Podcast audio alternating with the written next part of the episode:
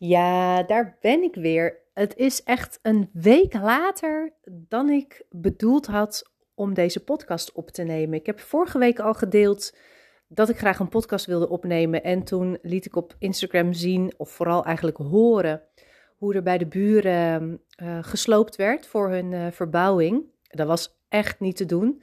En toen heb ik nog overwogen om tijdens mijn wandeling een uh, podcast op te nemen. En dat kwam er gewoon niet van. Dus ik heb het even gelaten. En uh, ik hoop dat het nu uh, lukt. De, ik ben nu thuis en er is geen herrie beneden, maar misschien hoor je het aan mijn stem. Ik ben sinds dinsdag verkouden aan het worden. S'nachts van die snijdende messen in je keel. Nou, valt wel mee hoor, als je dan even een, een tragitol neemt of wat hoestdrank, dan is het wel goed te doen. Maar ik merk gewoon wel, um, praten kost iets meer energie, dus ik, misschien hou ik hem niet te lang. Maar ik uh, had vanochtend twee informatiegesprekken. En uh, daarnet had ik uh, een kop koffie gezet. Was ik even op de bank gaan zitten. En de kat die dacht meteen: Zo, daar kom ik even bij zitten. En ik kan gewoon opstaan hoor. En dan gaat hij lekker ergens anders liggen. Maar goed, ik dacht, nou, misschien is het wel een, een mooi moment als een soort verplichte pauze even voor mezelf. En maak ik meteen van de gelegenheid gebruik om uh, de podcast op te nemen. Dus bij deze. Um, ik had namelijk al een tijdje een onderwerp in mijn hoofd die ik met je wilde delen. En laatst werd die opnieuw even getriggerd door een bericht dat ik zag bij um, Elise Milou. Ik ben namelijk een paar keer tegengekomen met gezinnen die ik begeleid heb en, uh, of waar ik informatiegesprekken mee heb gehad. Uh, dat ze dus aan het begin staan van hun plannen. En dat dan bij een van de twee uh, gesteld werd. En de, bij de gezinnen die ik gesproken heb, was dat um, de man elke keer. Dat de werkgever niet mee wil werken. En dat kan best een dingetje zijn. Als je dus in uh, loondienst bent, dan heb je tegenwoordig als, ook als man vaak de mogelijkheid om uh, ouderschapsverlof op te nemen. En dat is misschien niet altijd genoeg voor een reis, maar je kan er vaak wel een eind mee komen. Zeker als je je vakantiedagen bijvoorbeeld erbij pakt. Um, of als je bijvoorbeeld wil afspreken dat je een sabbatical doet, of wellicht onbetaald verlof. Dat gaat ook 9 van de 10 keer goed.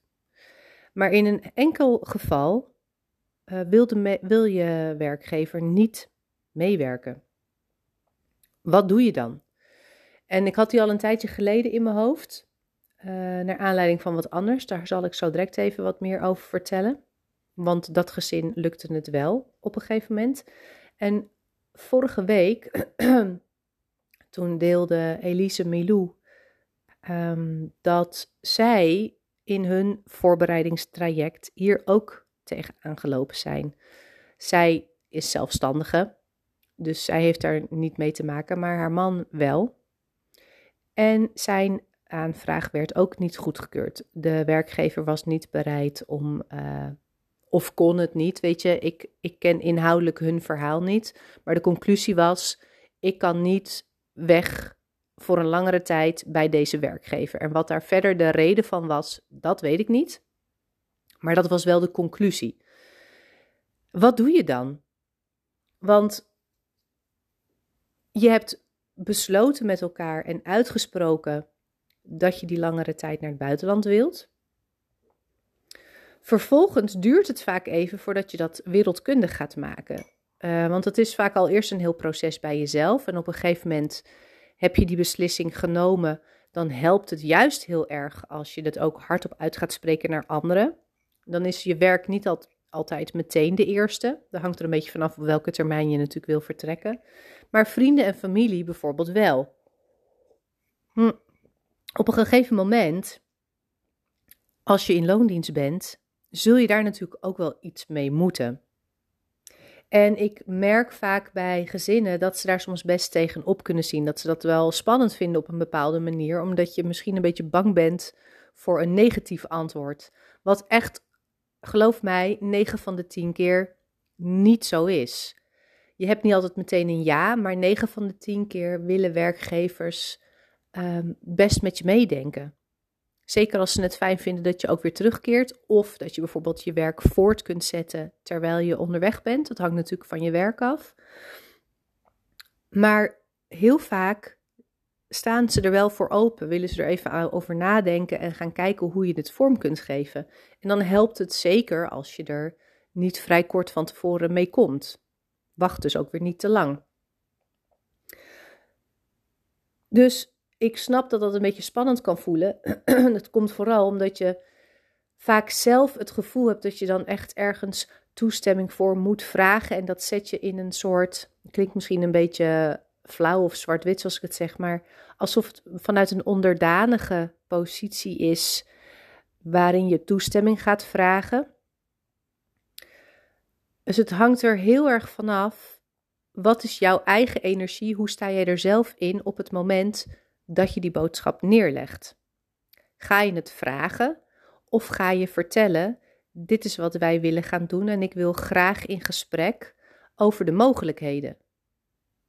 Dat kan al heel anders voelen. En dan zijn er vaak verschillende mogelijkheden. Ik noemde ze net al. Weet je, misschien heb je wel recht op ouderschapsverlof. En als je recht hebt op ouderschapsverlof, dan moet het je ook nog gegund worden. Het moet in een organisatie gerealiseerd kunnen worden. Um, maar in basis is het wel een recht. Um, onbetaald verlof kan een optie zijn. Um, een sabbatical is soms ook mogelijk. Dus je gaat niet bij je werk vragen: mag ik een langere tijd naar het buitenland? Nee, dat is iets wat je zelf beslist. Is jouw leven. Dat is niet aan jouw werkgever. Wat je wel wil, is samen bekijken wat zijn de mogelijkheden. En een van de mogelijkheden kan natuurlijk zijn dat je moet stoppen met die baan omdat je het niet met je werkgever kunt regelen. Dat kan ook zijn dat je werkgever het best wil, maar er geen mogelijkheden in ziet. Hè? Dus dat kan van alles zijn. Maar je gaat geen toestemming vragen om weg te gaan. Je gaat met elkaar in gesprek over wat zijn de mogelijkheden. Dit is wat we gaan doen. En je hoeft hem niet meteen zo stellig neer te leggen als het nooit ter sprake is gekomen. Hè. Je wil eerst een soort zaadje planten. Uh, dus je gaat in gesprek over, goh, um, wij hebben het al langere tijd uh, de wens om een keer een, eh, een, langere periode met ons gezin weg te gaan. En dat komt toch elke keer terug. Dus we hebben nu de knoop doorgeakt dat we dit willen gaan doen. We zijn nog aan het kijken per wanneer en hoe precies. En een van de dingen die we graag goed willen uitzoeken is hoe kunnen we het met ons werk regelen. En daarvoor zou ik graag in gesprek willen gaan. Dat is een hele fijne manier om het enerzijds open bespreekbaar te maken. Je zet iemand niet meteen in een hoek, maar tegelijkertijd um, straal je wel uit of spreek je wel uit een bepaalde standvastigheid bij jezelf dat je dit wel gaat doen. En vanuit zo'n gesprek ga je verder kijken. Nou, dan wat ik net al zei, 9 van de 10 keer komen de mensen eruit, maar dus niet altijd. En het eerste voorbeeld wat ik wilde geven is, dat is een gezin wat er wel uiteindelijk uit is gekomen, want dat ging om een vader die uh, met zo'n vergelijkbaar verhaal kwam bij de werkgever. En dat was toen nog niet zo lang uh, vastlag dat je als vader, als man, ook ouderschapsverlof uh, kon gaan inzetten. Dat je daar gebruik van kon maken. En hij wilde daar graag gebruik van maken. En de directe werkgever um, was gematigd enthousiast. Het, het, was een beetje tweeledig. Enerzijds was het het stuk, wat een super gaaf plan dat jullie dit willen gaan doen. Uh, ik begrijp dat heel goed. En aan de andere kant stond, je bent de eerste die dan binnen onze, uh, binnen onze organisatie van je ouderschapsverlof gebruik wil gaan maken. Ik moet even gaan uitzoeken hoe dat dan precies uh, in elkaar steekt, wat de consequenties zijn, um, wanneer en hoe lang. Dat valt natuurlijk ook allemaal uit te rekenen, maar daar moest wel even over gesproken worden. En voor deze betreffende vader lag daardoor nog niet meteen vast één of het zou lukken, want dat was wel de insteek. En twee, per wanneer, want de werkgever vroeg ook van ligt voor jou vast wanneer je wil gaan. Of uh, kunnen we daarover in gesprek? Nou, toen heeft hij gezegd: Wij hebben wel een voorkeur. En dat heeft te maken met uh, onze oudste, die um, op een gegeven moment in groep 8 zit. En dan willen we op een bepaalde tijd in het schooljaar wel weer graag terug zijn, zodat ze het laatste deel van groep 8 gewoon mee kan maken. Maar we zijn op zich qua vertrekdatum wel flexibel.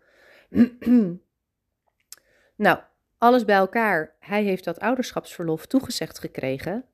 Maar hij kreeg te maken met uh, een bepaalde vorm van jaloezie bij collega's. En dat vond hij wel ingewikkeld. Uh, want dat overschaduwde ook een beetje het stuk plezier en uh, voorpret richting de reis toe. Dat hij niet het gevoel had op de werkvloer daar vrijheid over te kunnen spreken, omdat hij toch uh, er af en toe dan een sfeertje hing. Niet altijd, maar zodra dit dan ter sprake kwam: van ja, jij gaat straks een aantal maanden lekker weg en wij werken door. En dat was niet heel prettig dat werd op een gegeven moment wel minder, maar het was bij hun op de werkvloer gewoon nog niet eerder op deze manier uh, langsgekomen dat iemand gebruik maakte van ouderschapsverlof waar recht op was, omdat het gewoon ook nog niet zo lang kon. Dus bij um, een deel van de collega's speelde dat wat minder, want die wilden misschien op een gegeven moment zelf er gebruik van maken, maar er was ook een deel van de collega's die hier niet meer gebruik van zou gaan maken, omdat kinderen bijvoorbeeld al een stuk ouder waren. En dat, dat gaf een beetje frictie en dat zat hem vooral in het stukje nieuwigheid, omdat dat gewoon nog niet bekend was in een wat meer mannelijke werkomgeving. Um, ja, was dat niet van joh, wat een tof plan, supergezellig en wat gaaf dat je dit gaat doen. Het was, en weet je, zijn, zijn rol op de werkvloer, de maanden dat hij er niet zou zijn, dat zou opgevangen worden, dat was geen probleem. Maar het was een beetje alsof het je misgund werd. Dat kan natuurlijk ook gebeuren. Maar hij kreeg wel de toestemming. Het was alleen een nieuwe situatie en het moest goed uitgezocht worden. Maar het kan dus ook voorkomen dat je geen mogelijkheid hebt bij je werk. Omdat je werkgever niet ziet hoe. Omdat het binnen de functie die je uitvoert misschien niet goed mogelijk is. Of ze krijgen het organisatorisch niet rond. Um, dus het kan ook voorkomen dat je als werkgever stelt: binnen het contract wat je hier bij ons hebt, zie ik geen mogelijkheid, het kan niet. En wat doe je dan? Laat je dan uh, je plan varen en hou je het bij uh, langere vakanties als je die kunt realiseren? Of wil je wel echt je plan voortzetten en Elise Milou deelde dus op haar Instagram-account vorige week, of de week ervoor, dat weet ik even niet meer, um, dat dit bij hun ook gespeeld heeft en dat ze echt met elkaar hebben gezeten van oké, hoe, hoe nu verder, wat willen we? En uiteindelijk is hun conclusie geweest, wij denken dat zeven maanden weg zijn met elkaar als gezin, zowel voor de kinderen als voor ons zo verrijkend gaat zijn, ook voor onze eigen ontwikkeling als mens, dat dat een grotere meerwaarde heeft dan vastblijven bij deze baan, die niet die toestemming kan geven. En nogmaals, ik weet niet het achterliggende verhaal erachter. Uh, maar zij, uh, haar man of haar partner, heeft ervoor gekozen om dan te stoppen met die baan op het moment dat ze weggaan. Omdat ze verwachten dat als ze vervolgens terugkeren, um, er zoveel gebeurd is dat het prima is om een volgende stap te zetten. Dus dat kan ook een keus zijn. En misschien als je hier nog, hier nog voor zit, als je nog überhaupt in gesprek moet gaan met je werk, dat je denkt: oh my god, nou, weet je, misschien vliegt het je wel naar de keel. Dat je denkt: maar dat is niet wat ik wil. Dat was ook bij hun in eerste instantie niet de wens. De wens was, we gaan het regelen met het werk. Maar dat lukte niet. En dat is een proces. En dat proces heeft weer even tijd nodig. Dus zij hebben het ook, als ik het goed begrepen heb, ook even laten rusten. Maar als de wens om een langere tijd met je gezin uiteindelijk groter is, en je dat echt heel graag wil, en zij gaan niet rondreizen, zij blijven op één plek. In ieder geval na een maand blijven zij op één plek. Dus ze gaan echt een, een half jaar op een andere plek wonen. En ze willen heel graag ervaren hoe ze dat vinden. En wat dat met hen doet en met hun gezin doet. Die wens was zo sterk, vooral ook doordat ze het er al zo vaak over gehad hebben. En dat zal voor jou ongetwijfeld ook gelden. Als je eenmaal de wens hebt om te gaan, dan ben je daar al zo'n tijd vaak in je hoofd alleen al mee bezig. Dat verdwijnt niet meer zomaar. Dan leg je je daar niet meer zomaar bij neer dat dat niet zou kunnen. Want het kan altijd, alleen misschien niet altijd op de manier zoals je in eerste instantie graag zou willen. Ik ben van mening dat de manier waarop je het uiteindelijk regelt, uiteindelijk de beste manier is voor jou op dat moment. Al voelt dat in het begin misschien nog niet zo. Je weet nog niet wat het je gaat brengen later. En dat is misschien maar goed ook. Maar als je nu denkt, dat zou ik echt niet zien zitten, begin eerst met dat startgesprek. Ga eerst dus open in gesprek van, hey, dit is ons plan, dit willen we gaan doen. Kunnen we een keer met elkaar in gesprek gaan over de mogelijkheden die er zijn? En als uiteindelijk de conclusie is, bij deze werkgever kan het niet, dan is aan jou de vraag: ga je dan nog steeds wel of blijft het een droom? Daar zul je dan mee aan de slag moeten. En ik heb niet veel gezinnen gesproken waar dit gespeeld heeft maar die ik wel heb gesproken, waar ik wel in contact mee ben geweest, zijn alsnog gegaan of zijn alsnog bezig met plannen om te gaan voor komend jaar. Maar ze gaan wel. Linksom of rechtsom.